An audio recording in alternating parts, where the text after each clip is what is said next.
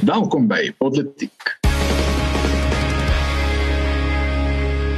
Kom ons begin so met, met ons tradisionele uh, indrukie en my naam is Dani Elof en saam met my in ons virtuele regstreekse ateljee is Erns van Sail, Paul Marits en Herman Pretorius. En in vandag se episode, Malema wil ekonomie skaad, Shabir vrygelaat en FSA se onraad. Nou ja, um, en ons uh, eerste keer dat ons hierdie weergawe volg, uh, is dit miskien goed dat ons uh, begin met iets wat 'n tradisionele probleem is op politiek nog van die begin af en dit is uh, Julius Malema. Ons het ander probleme ook, byvoorbeeld die afwesigheid van KFC's in Centurion, maar daar is maar alles ver. Maar kom ons spring weg met Julius Malema en nou ons bespreek wat hy mee besig is. So uh, Daniel, uh, ek het niks goed van die man te sê nie, hoe dit. Ja, wel, dit lyk my ook niks goed om te sê van van die ekonomie nie. Ehm um, ek ek sit net en dink hoe tragies dit is dat iemand die die wêreld en die hele lewe om hom so in absolute swart en wit terme en ek ek sê daar fuck me excuse the funny man dis presies hoe hy dit sien.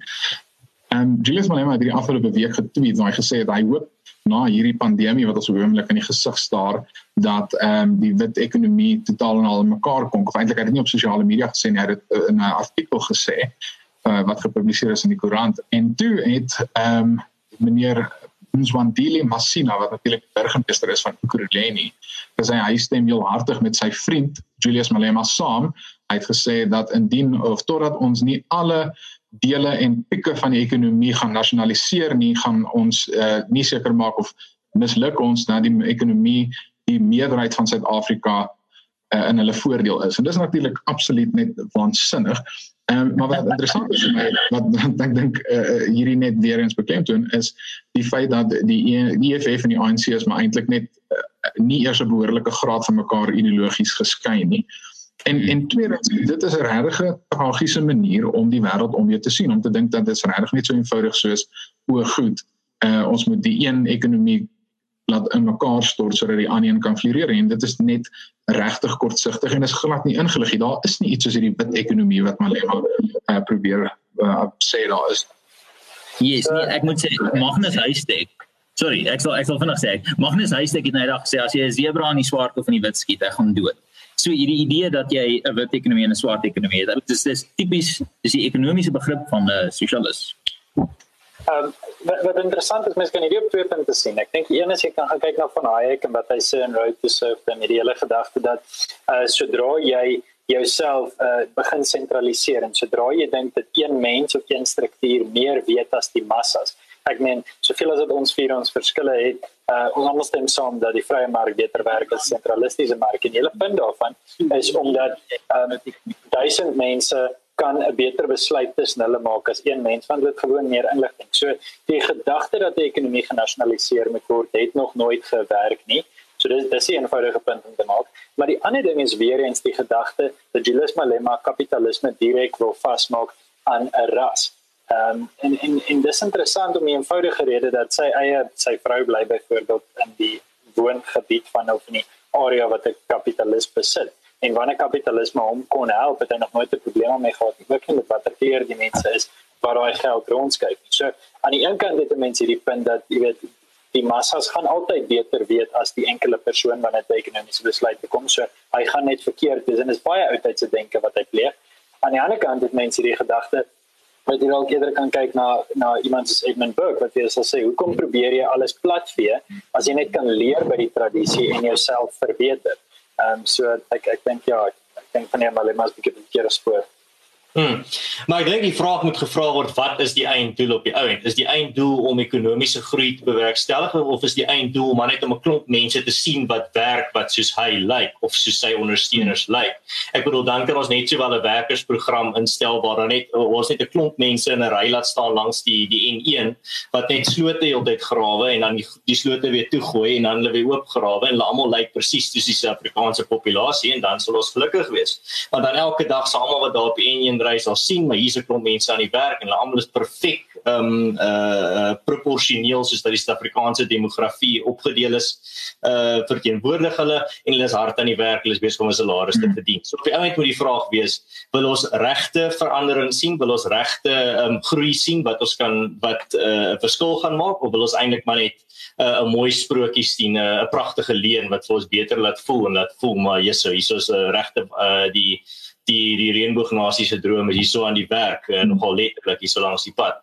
So op die ou end is dit maar ons kyk wat ons nou nog altyd gesien het met uh die die kommuniste en dit is dat hulle uh, baie meer omgee oor uh die theory over substance. En ek dink wat ons hierso sien hmm. is definitief dat die dit maak nie regtig saak wat die substance is in hierdie geval nie. Dit gaan regtig maar net oor dat hulle wil die prentjie skep wat hulle wil hê. Ek bedoel dit is presies soos in Noord-Korea. Noord-Korea gee nie om of daar uh uh byvoorbeeld vrugte of groente in die in die winkels is nie solank daar net die illusie is van vrugte en groente in die winkels hmm. dan is dit dan het hulle hulle doel bereik en ek dink dis presies daai selfde soort denke wat ons hierso sien hmm. wat wat vir my net kommerwekkend is met met wat Malema nou gesê het en meer spesifiek wat Masina toe nou daarop gaan gaan uh kommentaar lewer het is hierdie gaan verder as die die tradisionele tipiese sosiaal-demokratiese of linkse idee dat die ekonomie moet proporsioneel verteenwoordig ehm uh, die die bevolking van die land. Hulle sê uitdruklik dit moet die meerderheid van die land in hulle voordeel wees. Met ander woorde tot die uitsluiting van ander groepe, met ander woorde minderhede. So hierdie is nie eers dit gaan verby die hele ding dat nee, daar moet ek soveel uit direkteurs of aandeelhouers wees in 'n maatskappy en om die land se demografie verteenwoordig. Hierdie ons is nou verby daai fase. On, ons is nou letterlik besig met die dieselfde soortgelyke tipe beleide wat ons gesien het in verskriklike tiranniese regerings in die geskiedenis. Maar eh, mense letterlik net weens uh, die kleur van hulle vel of ander eienskappe uitgesluit word in ekonomiese aktiwiteit en dit is vir my kommerwekkend en dis iets wat ons al en talle ander mense vir jare teen waarsku. Ehm maar ongelukkig is daar mense in die akademie en die media wat wat net gedink het nee man, hierdie hele slippery slope argument wat julle voer is net nonsens. Julle is net mense wat besig is om vrees aan te jaag, maar hier sit ons nou met die werklikheid. En ek ek moet sê wat, wat die werklikheid so on uh, on uh, um aangenaam maak is dat jy sit met 'n situasie waar ehm um, die die die die werklikheid van Suid-Afrika is is aardig in die sin dat ons is hier tussen die nêrens en nêrens van kapitalisme en sosialisme en 'n groot deel so ons het die ons het hierdie crony capitalism ons het hierdie hmm. hierdie boetie boetie vrye mark wel nie regtig vrye mark nie hierdie boetie boetie kapitalisme waar ehm um, hierdie nominale kapitalisme ehm um, is is sterk genoeg om om om die bron van rykdom te wees vir die ANC en is in sy netwerk en sy trawante. En is prominent genoeg um, om die sondebok te wees dat die vrye mark is die sondebok. Dis hoekom swart mense arm is. Maar dit ignoreer totaal al die feit dat ons nie werklik 'n vrye ekonomie het nie uh, en en dat ons nog nooit regtig een gehad het nie. Ons het hierdie issue van uh wie trek werklik voordeel uit die ekonomie? en selfs met die swart ekonomiese magtiging kom ons gee hulle dalk 'n argument van taal gelyk dat swart ekonomiese magtiging het het, het goeie bedoelings gehad.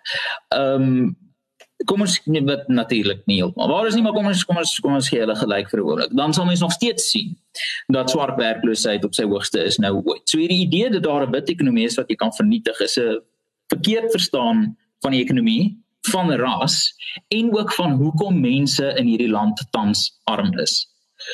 So in terme van hoekom mense arm is en ongelykheid, dink ek, dink ek daar sou is een man wat dit vergestalt in die Suid-Afrikaanse jeugenis en as hierdie man 'n melkboer was, dan sê hy hom 'n milkshake kon noem.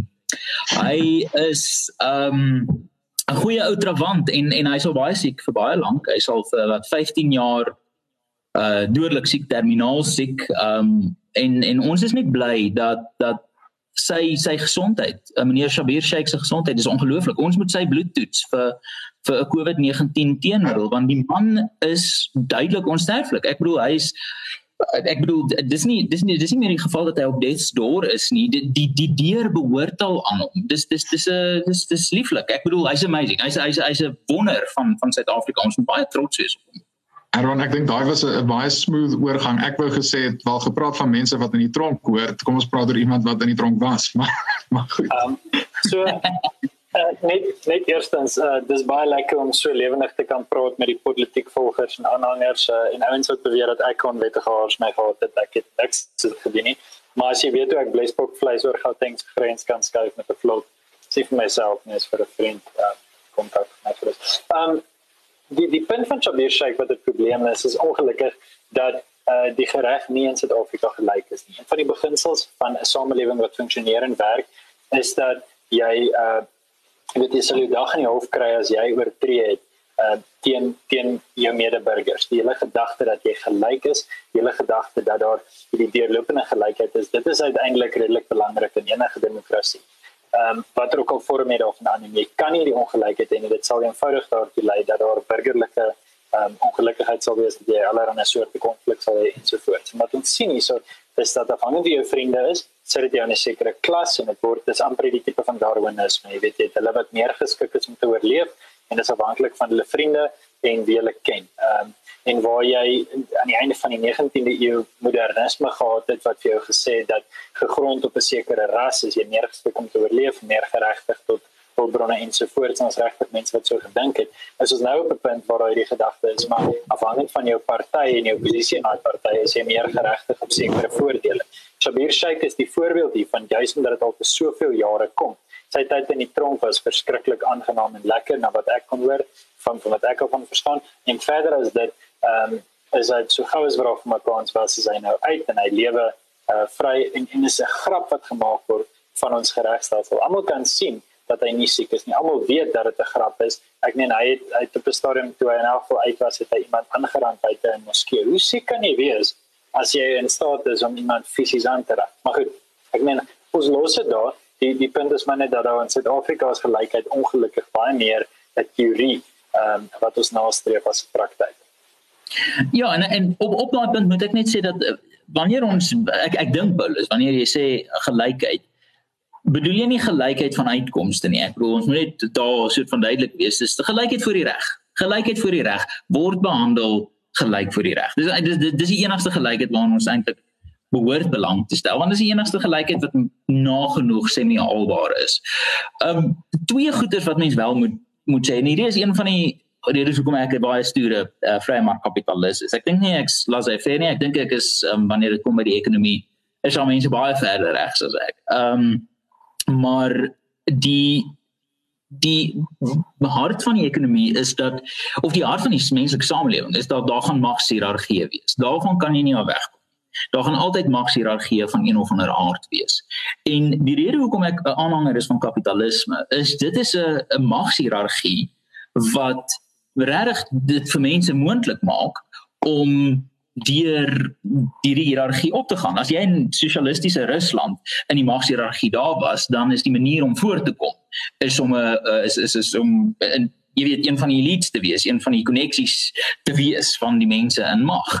En die ding wat ware kapitalisme doen en dis hoe ons weet ons het dit dis hoe ons weet ons het dit hier nie is in 'n kapitalistiese stelsel kom jy voor deur 'n diens of 'n produk te lewer aan jou gemeenskap gebaseer op jou sukses van dienslewering en produklewering word jy dan ekonomies magtig.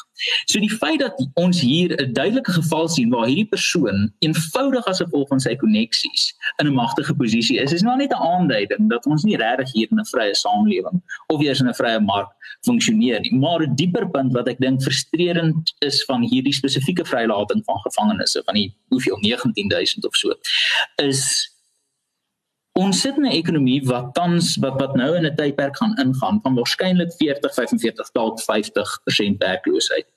En jy laat nou duisende mense vry.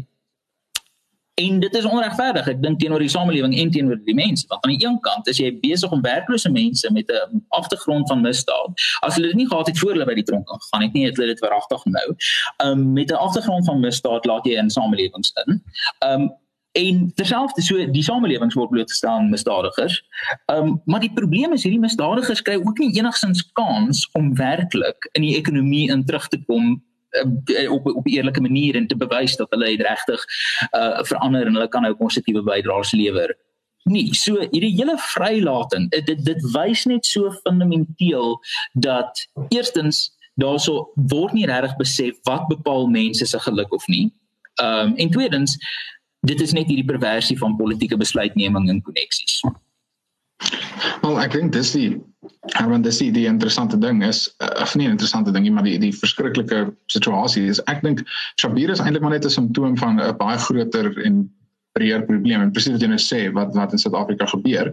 En wat spesifiek kom oor die punt wat jy vroeër genoem het en ek wil graag daar 'n bietjie fokus van gelykheid voor die reg. Ons het gesien dat ek dink dit was in afgelope week of in die afgelope 2 weke het 'n voormalige president Jacob Zuma gesê wel ehm um, die die regsbank is teen hom gekant en hulle hulle het vooropgestelde idees van hom en hy gaan nie sy regverdige dag in die hof hê nie. Dis ek dink wel watter absolute belaglike ding om te sê. Natuurlik het mense want mense was nie blind hierdie afgelope 8 jaar waar hy letterlik vir die hele Suid-Afrika gelieg en bedrieg en ons besteel het nie.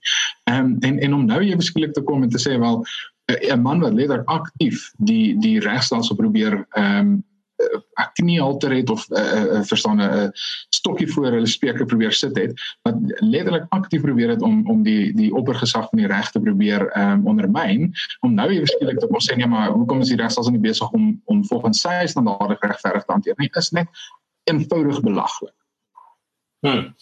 En ek dink regtig die die enigste metafoor wat regtig ons regstelsel die perfekte sal beskryf is maar 'n spinnerak waar die die vliee gevang word maar die perde by wat daardeur vlieg gaan vry. Hmm en wat ons hier in Suid-Afrika maar is nie 'n uniek unieke ding wat ons hier sien nie. Ons sien dit reg oor die wêreld eintlik is waar daar dis baie net as jy genoeg geld het, kan jy kan jy jou vryheid afkoop en as jy genoeg kontakte het, mm. sal daar altyd iemand wees om vir jou uh, as jy tot daar raak gevang om miskien 'n graaf binne in die koek weg te steek wat hulle vir jou bring in die in die tronk. Maar ja, um, ek dink dit is veral in Suid-Afrika se konteks baie hartseer want wat ons nou hierso sien is maar net nog eh, 'n uh, rede vir Suid-Afrikaanse burgers om te voel maar die die die land se stelsel het hulle in die steek gelaat en daar hmm. is nie iets soos geregtigheid wat seëvier in hierdie land nie. En dit is maar net nog 'n 'n ding wat op op mense se skouers gaan begin sit en vir hulle gaan begin fluister in hulle ore in terme van wat die toekoms van die land is en miskien hoe hulle vertrou in die regering of hoe hulle hoe hulle vertrou in die hele die hele idee van uh of hulle uh, kan vertrou op 'n stelsel wat bly wat heel duidelik uh, korrup is en nie na hulle eie um, na hulle sinale omsien nie. Maar ja, ek dink uh, julle almal het uh, baie goed daar um uh, die die omvang van die storie gedek, ja. Ek wil net vinnig net net 'n laaste ding voordat ons oorbeweeg na na ons volgende onderwerp en bietjie gesels oor die absurdhede met ons skole. Ehm um, ek het vinnig vir julle 'n vraag oor dink julle ek kyk ons het nou gesien hierdie week het hulle twee nuwe adjunk direkteure van die nasionale vervolgingsgesag aangestel en hulle het vol ehm um, groot beloftes gesê maar hierdie gaan nou lei tot 'n uh, ehm um, 'n uh, verstaan 'n die die kom ons sê die die wat sou mens sê verantwoord van verantwoordelikheid neem vir staatskaping en alles en hulle sorg dat die kriminele agter tralies sit. Dink julle regtig ons gaan hoor 5 of 10 jaar of hoe ook al dit mag lank dit mag wees sien dat mense eintlik aanspreeklik gehou is vir die dade van kom ons sê van 2009 af en nou wat spesifiek trek om tot staatskap. Wel ek ek dink ehm um, eerlik word dit van afhang van 'n klomp goeters. Ongelukkig ehm um, is is politiek geneig in Suid-Afrika om voor die reg te loop. Dis hartseer om te sê en as eintlik wat ook baie opmerking mee gaan stry maar ek voel ehm um, ietsie wat so ooglopend is soos byvoorbeeld um, staatskaping iets wat so ongelopend is soos um, bedrog omkopery en so in Suid-Afrika um, wat almal weet enigiemand met 'n logiese verstand weet iets moes gedoen gewees het. Ehm um, het dit nie gebeur nie as gevolg van politiekery. Ehm uh, aan 'n kant toe waar daar mense is wat marginaal oortree maar dit in die beste belang doen. Ek dink aan privaat skole in Soweto waar ek spesifiek van die mense op die regspan ken en hulle privaat skool maar net toegemaak is want het een permit dalk nie gehad nie en dan is die reg baie vinnig om toe te slaan. So ongelukkig in Suid-Afrika volg die reg die politiek.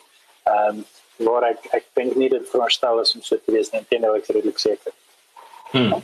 En ek dink regtig die die die groot tema wat ons hierso dan sien is maar net hierdie uh eintlik hulpeloosheid van die gewone Suid-Afrikaner wat voel maar wanneer gaan daar ooit geregtigheid kom? Ek bedoel, maar dan tog aan die ander kant, dan sien ons vir elke verkiesing kom wie ook al die hoof is van die ANC wel spesifiek nou in die Ramaphosa faksie wat sê maar die voriges uh, het 'n bietjie droog gemaak, maar ons gaan nou skoon skip hê. Ons gaan regtig met daai geregtigheid seëvier met hierdie korrupsie. Maar ek kan nie dink aan wanneer die laaste keer daar was 'n uh, 'n hoë profiel politikus in Suid-Afrika wat regtig regtig reg waar geregtigheid regtig seëvier het in in terme van hulle oortredings nie. Maar nou wel, ehm um, ek dink dit is maar nog dis 'n groter uh, oorbrugse uh, onderwerp vir die toekoms. Uh, maar nou van die van die regsbanke af, van die skoolbanke toe, ek hoor daar's 'n bietjie uh, goed wat aangaan in die Suid-Afrikaanse skole wat bietjie kwaai veroorsaak. Ja, ek mens soos julle weet ek uh, werk hierdie dag solidariteit jeug en ons hele punt is om jong mense te help met 'n loopbaan en met toekomste en net al die moeilikheid vir hulle so 'n bietjie te probeer aanspreek. En Herman ook uh, aan ons dis vir werk jy nou weer sit en dink aan goeie. Algeval. Nee, nee um, ek ek sê wanneer jy werk hierdie dag velde. Nee, wel, ek ek dink as as as jou werk jou passie is dan uh, elke dag nooit uh, elke dag wat jy werk nie regtig werk vir mense nie. Ja, nee.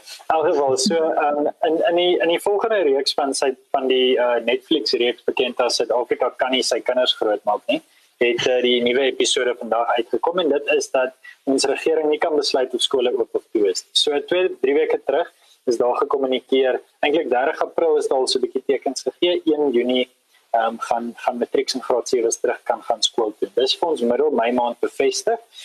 En toe beskiklik is daar klomp petisies na so klomp goeters die EFF onder andere wat sê nee, maar skole is nie reg nie, skole is nie skoon nie, skole is beskadig ensovoorts.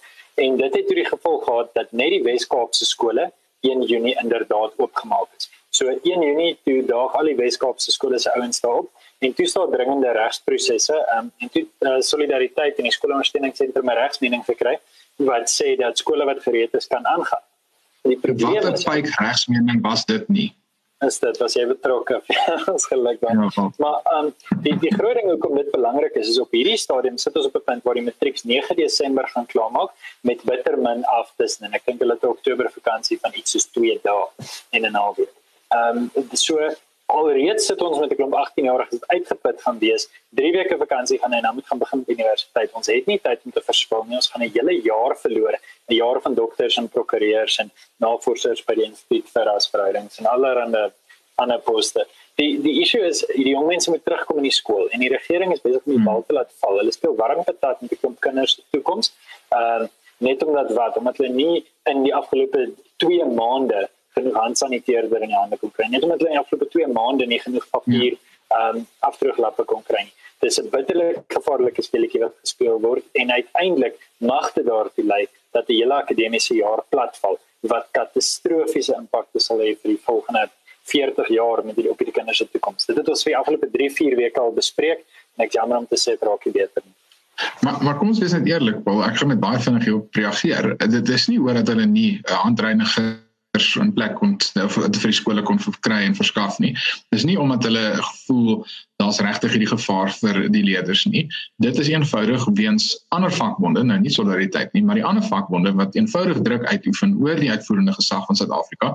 En ehm um, hierdie hierdie vakbonde en hierdie politieke rolspelers het die die minister van gesondheid beet waar sy nie beet ge, wil gehou word nie. En en dis die eintlike probleem. Is dis hierdie buitedruk wat nou dwing dat die minister sê een ding, sy sê skole gaan nou oop in 1 Junie, dan die aand voor dit, Sondag aand wanneer almal eintlik in die kerk moet sit, dan ehm um, kom minister Motshekga gaan sê wel deur 'n media verklaring nee nee nee, haar direktiewe is nie meer geldig nie, hulle gaan nou 'n week eers later met skool begin. Dis die eintlike probleem. Dis die invloed van hierdie vakbonde oor ons uitvoerende gesag en dis nie net beperk tot uh, ons onderwysstelsel nie, dis 'n klomp dele van ons regering 'n enorme probleem. Hmm. En ja, ek dink die die die metafoor wat hierso sal werk sal 'n sal die boom wees waar jy sien daai ringe in 'n boom en jy sien die jare waar hy minder water gekry het as ander. En wat ons hmm. hierso spesifiek sien is dat hierdie gaan 'n gaan 'n merk op die Suid-Afrikaanse toekoms los wat jy nie net sommer kan teruggaan en en herstel nie. Jy kan nie teruggaan in daai boom se geskiedenis en daai ring weer bietjie vetter maak uh, dat hy asof hy nie daai jare droogte ervaar het nie. En hierdie is definitief uh, dit is beslis 'n uh, uh, droogte as dit kom by die by onderwys en by die die vorming van van jong mense. Ek dink dis 'n absolute klug wat hier aan die gang is. Hoe dit al dit net so uh onge, ongevoelig net gespeel word met kinders se lewens in die in die naam van die nasionale demokratiese revolusie. Dit is net vir my 'n uh, absolute skande en dit dit dit wys net vir my al hoe meer dat van hoe groot klug die feit dit is hoe hoe Suid-Afrika heeltemal um absoluut net afhang van uh van publieke onderwys waar die die as die publieke onderwys uh, nie hulle werk doen nie of nie omgee oor die kinders se toekoms nie, dan het hulle eintlik 100% beheer oor die Suid-Afrikaanse jeug in terme van wat met daai jeug gebeur en wat hulle toekoms gaan behels en wat waartoe hulle op pad is. En ek dink dit is iets wat gaan moet verander. As daar gaan of die die hoeveelheid mag wat die vakbonde het en die vakbonde natuurlik die mag wat die vakbonde oor die publieke onderwys het, is eintlik waar die wortel van hierdie probleem lê. En die enigste oplossing vir my daar is wel twee oplossings. Die eerste oplossing is om die mag van die van die uh, onderwysvakbonde drasties te verminder en daai mag te breek. En dan tweedens om om gemeenskappe meer te in staat te laat in staat te stel om hulle onderwys in hulle eie hande in te neem. Ek bedoel hierso het ons ook nou in die nuus gehoor dat hulle gaan nou om om op te maak vir die tyd wat verlore is, gaan hulle die boereoorlog konsentrasiekampe um, hoofstuk uit die die geskiedenis uh, module uitsny. So dit is maar net nog 'n voorbeeld van uh, dit is net as jy as daar nie 'n alternatief is vir mense nie, hulle word en hulle word geforseer weens 'n uh, 'n uh, uh, groot hoeveelheid faktore om hulle kinders te moet publieke onderwysstelsel te stuur, ehm um, gaan hulle 'n uh, kwaliteit van onderwys uh, kry wat gebrekkig is en al hoe meer gebrekkig word soos wat die jare aangaan. So die enigste oplossing hier vir my is om om minder staat te maak op die staat soos Philip Bysel sê en om net 'n uh, 'n alternatiewe oplossing te vind in terme van vir meer vir mense meer opsies te gee sodat hulle hulle self kan uitapt uit uh, uit die staatsbeheerde onderwys as 'n ramp soos hierdie gebeur soos wat ons nou hierso ervaar het. Ja, ehm um, die die ehm um, fascinerende ding wat ons hier sien is is dat dit is uh, hierdie hierdie krisis dis COVID-19 was was was 'n uh, tendens uh, versneller. Uh, alles alles wat sou fout gaan op een of ander stadium het nou net begin vroeër uh, fout gaan. En ons moet ook sien dat die toestand waarin ons as land in hierdie krisis ingegaan het. Hierdie is die hierdie is die regering wat beloof het dat hulle gaan ontslaa raak van uh, pittoilette. Uh, wat nou skielik beloof dat hulle gaan water vir skole gee wat nog nooit toegang tot water gehad het nie. Nou as jy in 26 jaar nie toilette kan bou nie, dan twyfel ek of jy binne 2 2 jaar water kan ag binne 2 maande verskoon my water kan aan lê. So eh, die ehm um, as hulle dit reg kry dan dan beskuldig hulle hulle self en hoekom die hel het dit 26 jaar gevat om hierby uit te kom. Ehm um, as hulle dit nie reg kry nie, dan is dit maar net weer 'n weerspieëling dat die staat hoe, hoe meer die staat doen hoe minder kry hy reg. Ehm um, en en dis dis ek dit was Reagan het dit in sy 64 toespraak gesê, time for choosing, is dat as, as mense sê die staat is hele tyd die oplossing, dan is jy sekerlik, sekerlik moet nou en dan vir ons sê wat is die hoe lyk die telbord, wat is wat is telling. En ehm um, die telling van die staat, veral as dit kom by skole is, uh, is abominatief sleg. Ehm um, so so ek sê heeltemal saam met Ernst die die die oplossing hier is regtig om, om mense keuse te gee. As as mense wil homeschool laat hulle homeschool. As mense wil kerkskool laat hulle kerkskool. As mense wil gemeenskaps die die die die, die ding is hoekom soos Leon nou altyd sê is ons al vier, ons het nie beplan om vandag hemde te dra nie. Maar hier sit ons in ons al vier dra hemde. Ek was baie trots op myself dat dit onthou. Ja, nee, ek bedoel ons ons is ons is ook bly. Dis een van daai dae vir jou. Uh maar die die die ding wat ook vir ons hier moet uitstaan is dat niemand het vir ons gesê ons moet hem bedra nie. Die staat het nie vir ons gesê ons moet hem bedra nie. Maar ons almal dra tog hem. En en die en die en die daai beginsel kan regtig uitgebrei word na klomp goeders. As die staat vir mense die staat hoef nie vir mense goeders te sê sodat hulle dit doen nie. So meer vryheid ehm um, hoe meer hoe beter. Ek bedoel die staat bewys net op elke vlak dat hy misluk um op 'n epies en is en skryf wel agterge skaal, maar dalk met Paulus laaste innige sin van my is ja, daarso ons gaan 'n koste betaal uh, uh ongetwyfeld vir die land se maar ek ek wonder en en hierdie is 'n vraag, genuine vraag. Ek wonder of oor 10 jaar ons nie absoluut geen verskil kan sien tussen mense wat matriek geskryf het in 2019 en mense wat nie matriek geskryf het in 2020 nie. Eerlikwaar ek dink die gehalte van ons publieke stelsel se onderrig is so beroerd sleg dat ek is nie seker dat ons daai negatiewe gevolg gaan sien nie net omdat ek bedoel nou wat is die verskil tussen 30% slaag en 0% slaag ek bedoel jy, jy het al reeds die stryd verloor op 'n punt daar so so ek ek ek is skepties oor of hierdie ehm um, die groot nagevolge gaan hê. Ek dink daar's 'n groter probleem wat hierdie die negatiewe nagevolge hiervan heeltemal oorskadu en dis net die status vreeslik sleg hier. Hmm.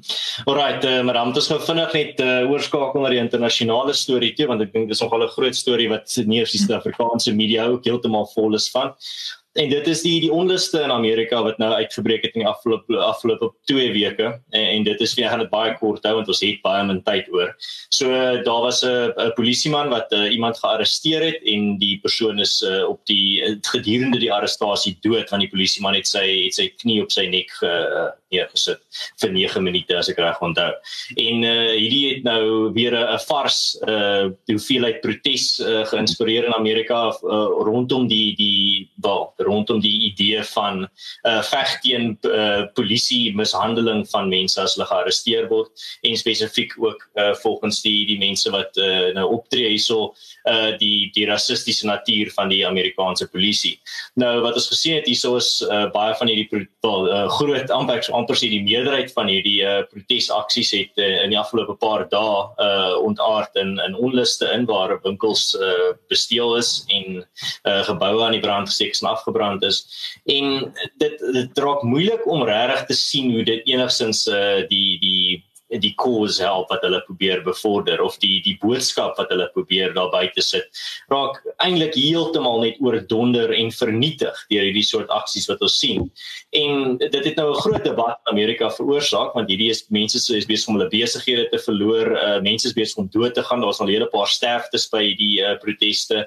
Ehm um, en dit is regtig besig om vir Amerika heeltemal uitmekaar uit te ruk in terme van hulle Uh dit is niks waaroor hulle op die oomblik kan praat nie. Ek vind dit snaaks dit lyk heeltemal van COVID-19 vergeet. Uh niemand praat op die oomblik daarvan nie. Niemand praat oor die feit dat 'n uh, paar weke terug het hulle gesê as jy wil strand toe gaan, uh het die Amerikaanse media gesê dan moet jy gearresteer word want jy wil hê mense se uh, oupas oumas moet doodgaan. Maar hierso waar uh, mense te, in hulle duisende in die straat afloop met minder as 20 cm tussen mekaar, uh is daar glad geen sprake van uh, dat hier enige risiko is nie. So as enigiemand van julle so net 'n paar kort gedagtes ons nog so 4 minute. Wel, uh, ek ek ek sal vinnig inspring. Uh, ek het 'n paar goed om, om oor hierdie te sê want die eerste ene is ek dink wat met George Floyd gebeur het is absoluut ewel. Ek dink daai polisieman ehm um, moet en ek, hy gaan waarskynlik baie lank in die tronk sit en dis reg so want hy het buite die bestek van sy diens opgetree en hy het nie regmatig opgetree nie en, en dit so dis die eerste ding. Dit dit is 'n feit volgens my. Die tweede ding is ek dink mense is heeltemal in hulle reg en hulle is hulle volle reg om te betoog en te sê hulle is ongelukkig met hoe die polisie dit hanteer het. Ek hoef nie saam te stem met hulle dat daar 'n statistiese probleem in Amerika waar is met getekende uh, polisie geweld teenoor swart uh, Amerikaners nie, maar ek dink dis hulle volle reg om te betoog. Maar die derde ding wat feit is is daar's 'n verskil tussen onluste en gewelddadige betogings en betogings oor beginsel. En en hier dink ek is waar dit baie belangrik is vir die betogers wat in Amerika besig is om te betoog oor die beginsel wat hulle ten minste voel die waarheid is. En die wat hulle sê dat swart mense word geteken deur die polisie in Amerika. Hulle moet hulle self onderskei van hierdie onluste hierdie mense wat besig is om winkels te vernietig om mense se eiendom te te eerstens te steel en tweedens af te brand en te vernietig. En te sê hierdie is nie waarvoor hulle besig is om te betoog nie en dat hulle moet 'n onderskeid tref tussen die groep want ek hoe ek dit sien op die aan die een kant is daar die Black Lives Matter movement en hulle hulle is besig om te betoog oor die polisie geweld en aan die ander kant het die groep Antifa gekom en 100% hierdie betogings oorgeneem en hulle is die mense wat besig is om geboue af te brand en polisiekarre met bottels en klippe en goed te gooi en alles te verniel. En en dis baie belangrik vir my vir hulle om hulle self uh, afstand te doen van hierdie betogings want anders dink ek gaan hulle regtig hulle saak ernstige skade aandoen. Ja. Ja, die wat wat wat wat my pla van hierdie hele situasie is is is die ehm um, die ons hier in die 21ste eeu het het het 'n paar probleme en ek dink die die grootste probleem agter die hart hiervan en ek ek dink Ernst en Daniel heeltemal goeie punte en geldige punte. Maar wat vir my pla van hierdie hele situasie is ehm um, daar's nie eintlik duidelikheid oor wat die rol van die polisie is. Nou mense kan vir mense vra wat is die rol van die polisie en hulle kan sê o, om die samelewing veilig te hou. Ja, dis baie maklik, maar kom ons kom ons vat dit dan na sy volgende. Wel, dan is die lockdown 'n vorm 'n vorm van veiligheid. So as dit veilig hou is, dan beteken dit daar's ons klomp absurditeite wat jy vir jouself oopmaak. Um in terme van uh wat wat wat se stappe geneem kan word om veilig te hou. So sover ek dit verstaan, is daar drie teorieë van geregtigheid. Daar's uh wat dit um uh straf uh rehabilitasie en voorkomend. Daar mag dalk ander wees, maar hier is hier is die drie wat ek ernstig opneem en dalk iets van weet. Um en die probleem is dat um die, baie van hierdie polisielede weet nie presies nie is hulle wat is hulle werk? Is hulle daar om misdaad te voorkom? Wel in watter geval gaaf, dan gee dit hulle sekere magte en sekere kapasiteite, maar dan moet ons nie kwaad wees as voorkoming snelheid 'n probleem skep as hulle dan oorhaastig optree nie. Maar kortom opgesom hierdie hele teoretiese relasie vir my is mense moet besluit wat verwag hulle van die staat? Wat verwag hulle van die polisie? Want hel op hierdie stadium ek praat nie polisie goed nie, ek praat nie betogers goed nie, maar as ek 'n polisieman was op hierdie stadium en en en en ek het opreg net my bes probeer doen en en en ek sien hoe my kollegas aangeraak word en doodgemaak word dan sal dit vir my ongelooflik kommerwekkend wees. En en my my dalk selfs 'n bietjie soort van nie die beste polisieman op die frontlinie maak nie. So ons plaas hierdie mense in 'n ongelooflike moeilike posisie. As ons nie vir hulle pertinent kan sê wat die samelewing van hulle verwag nie hulle kan nie superhelde wees hulle kan nie.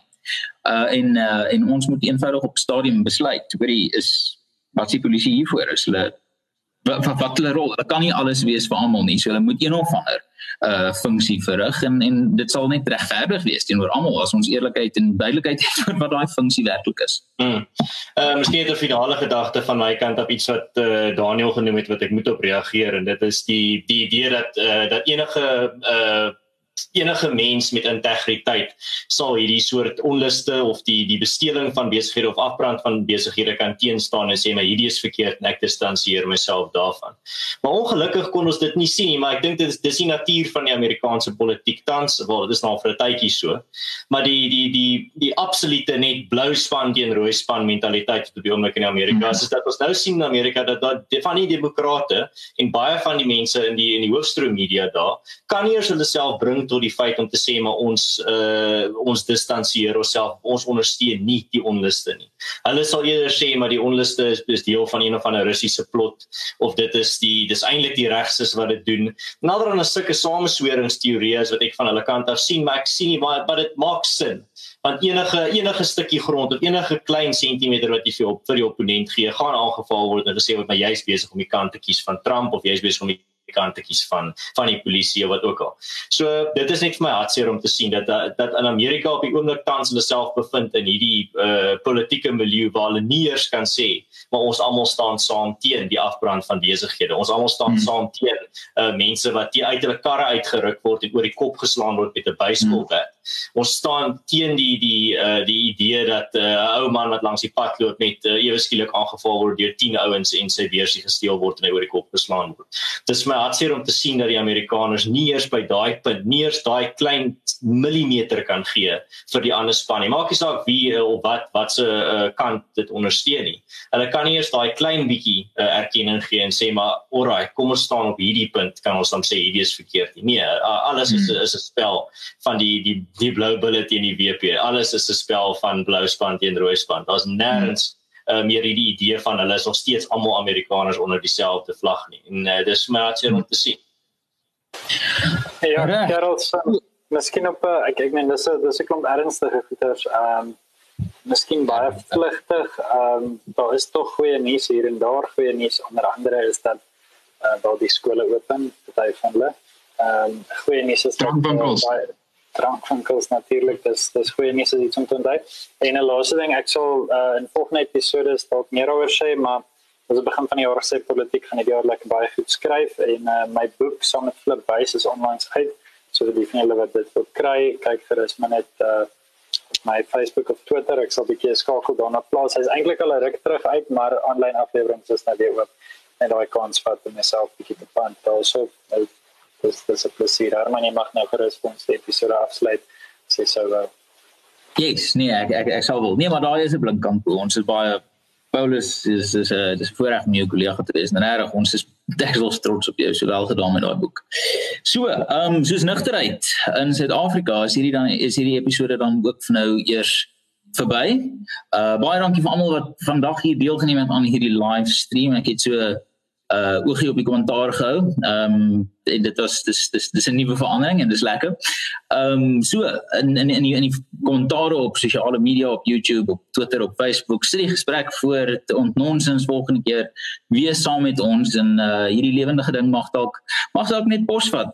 Dit sal dit sal baie lekker wees as julle by ons kan aansluit ook volgende keer. Maar tot dan, sterkte. Ek wil nie sê bly veilig of bly gesond nie, maar geniet daai dop. Julle het hom verdien.